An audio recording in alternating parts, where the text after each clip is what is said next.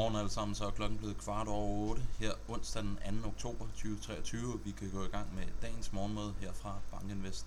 Først og fremmest så vil jeg godt lave noget reklame for efter vi er gået igennem markedsudviklingerne i dag, i morgen, jamen så kommer B, eller PFA på, hvor de vil give en update på BI erhvervsejendom, så endelig hør med på det indlæg. Hvilke temaer er det, der ligger og dominerer i øjeblikket? Jamen først og fremmest så fik vi i fredags en lang række indikationer på, at både den europæiske og den amerikanske inflation lige så langsomt er på vej ned. Vi fik nogle europæiske inflationstal, der overraskede på nedsiden, og vi fik et kort PCE-print fra USA, som også overraskede på nedsiden og viser altså, at den månedlige kerneinflation, den ligger altså bare og stiger med 0,1% i øjeblikket. Det ledte altså til, at vi så nogle relativt kraftige fald i særdeleshed i de lange renter. Den tyske 10-årige, jamen, den faldt altså med hele 10 punkter her i fredags. For aktier, så var det altså dog en lidt mere blandet dag. Vi så initialt, at aktier lå rigtig pænt oppe for dagen, men det amerikanske aktiemarked det sidder altså over fredagens session og ender faktisk med et negativt tal for amerikanske S&P 500. Over weekenden, jamen der fik vi altså en midlertidig aftale på plads i USA, så vi ser ikke ind i en umiddelbar nedlukning. Så vidt jeg kan læse mig frem til, jamen så holder den her aftale altså indtil den 17. november, og man må altså forvente at se øget politisk støj, indtil at den skal genforhandles ind til noget, der forhåbentlig kan blive lidt mere permanent. Over weekenden, jamen, så skal det også bemærkes, at vi fik en række kinesiske PMI's, der sådan generelt set overrasket på opsiden. Så det synes altså som, at den kinesiske økonomi sådan helt på marginalen er ved at finde noget stabilitet i øjeblikket. Og det er jo naturligvis lidt positivt. Det her har taget med her på slide nummer 4, jamen det er den europæiske headline inflation, og den steg year on year med 4,3% Det var ventet at komme ud lidt højere, end hvad det rent faktisk gjorde. Men det er altså et tegn på, at inflationen lige så langsomt er på vej væk.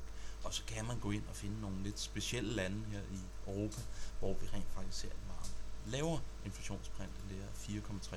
Holland, det synes jeg er et godt eksempel, hvor de year on year faktisk havde en negativ inflationsudvikling over de sidste 12 måneder. Så et inflationsbillede, der for Europa begynder at moderere lige så langsomt, og altså hvor vi ser de her pengepolitiske stramninger begynder at have en effekt. Ser vi for USA, jamen så fik vi øh, Feds yndlingsinflationsmål, og det er jo den øh, kerne PCE-inflation, og den kommer altså ud på 0,1, og det var altså lavere end hvad analytikerne havde forventet. De havde forventet 0,2. Så vi skal altså hele vejen tilbage til en eller anden sted i slutningen af 2020 for at finde et lavere månedlig inflationsprint, og isoleret set, så er det altså positivt. Fortsætter det her, jamen, så er det altså også vores forventning, at det på et eller andet tidspunkt vil afspejle sig i prisningen, ikke bare af Fed, men også SB, og at man vil begynde at prise ind nogle rentenedsænkninger op igennem øh, 2024. Ser vi på slide nummer 6, jamen der har viser udviklingen i den tyske 10-årige, og som I kan se, så faldt vi 9 punkter, men det er altså stadigvæk fra utrolig høje niveau, vi ligger i, i øjeblikket. Men det er altså positivt alt andet lige, at vi så den her stabilitet i, i udviklingen i de lange renter. Det har jo været en meget, meget signifikant opgang, som vi har set her over de, de seneste par måneder. Så isoleret set positivt, at vi så et fald i de lange renter i fredags. Og når vi er på de her lange renter, jamen, så kan vi altså også bemærke, at term premium for amerikanske stater, den begynder altså nu at rykke i positivt territorium. Og det er altså lidt en illustration på, at vi lige så langsomt er på vej ud af det her meget kedelige nulrentemiljø, vi havde, hvor at en masse faktorer så meget, meget mærkelige ud.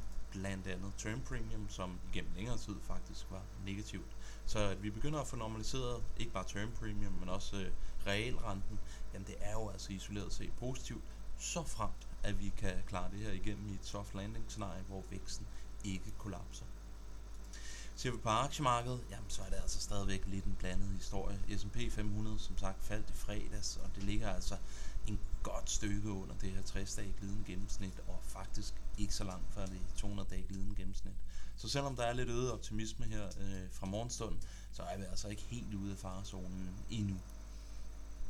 Og det er bare en yderligere illustration på det, jamen det er hvis man går ind og ser på ASI'en, en helt simpel 14-dages ASI på amerikansk S&P 500, så er vi altså stadigvæk i oversolgt territorie. Så vi er altså som sagt ikke hele vejen ud af farezonen indtil videre. På baggrund af de her lidt lavere end ventede inflationstal, så ændrede prisningen af Fed sig altså også en lille bit smule, men ikke så meget. Men for et par uger siden, eller for et par dage siden, skal jeg skynde mig at sige, jamen der var det sådan lidt 50-50, om vi skulle se en rentestigning allerede her i januar måned 2024. Det er altså faldet en lille bit smule, og i øjeblikket så ligger man priser 0,38 hikes ind, altså 0,38 af øh, et hike ind her i starten af 2024. Så det er altså kommet en lille bit smule ned i forhold til, hvad det var for bare et par dage siden. Og igen, det følger altså i lyset af de her lidt lavere end ventede inflationstal prøver vi at dykke lidt ned i under overfladen på aktiemarkedet i fredags. Hvad var det så, vi var vidne til?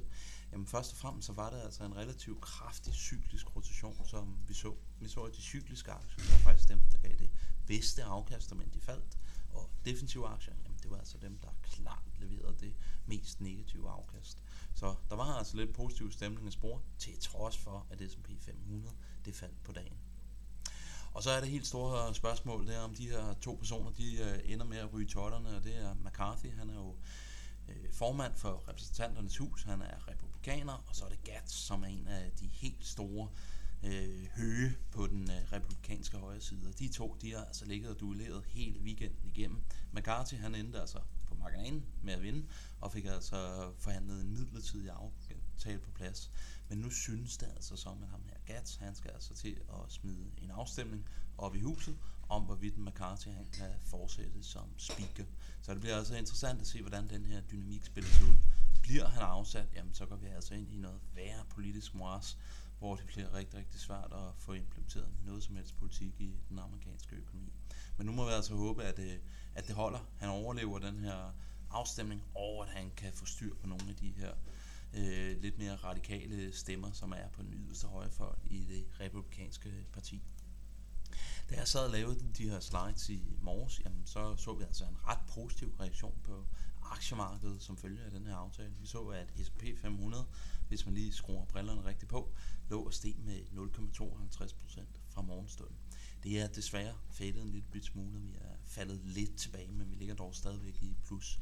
Men det er altså lidt en illustration på, at hele den her nedluknings tese, der har ligget og kørt i markedet, der har altså været med til at hæmme risikovilligheden en, en lille bit smule. Så forhåbentlig så kan vi få lidt flere positive øh, politiske nyheder over den her uge, og det kan forhåbentlig være med til at stabilisere markedet en, en lille bit smule.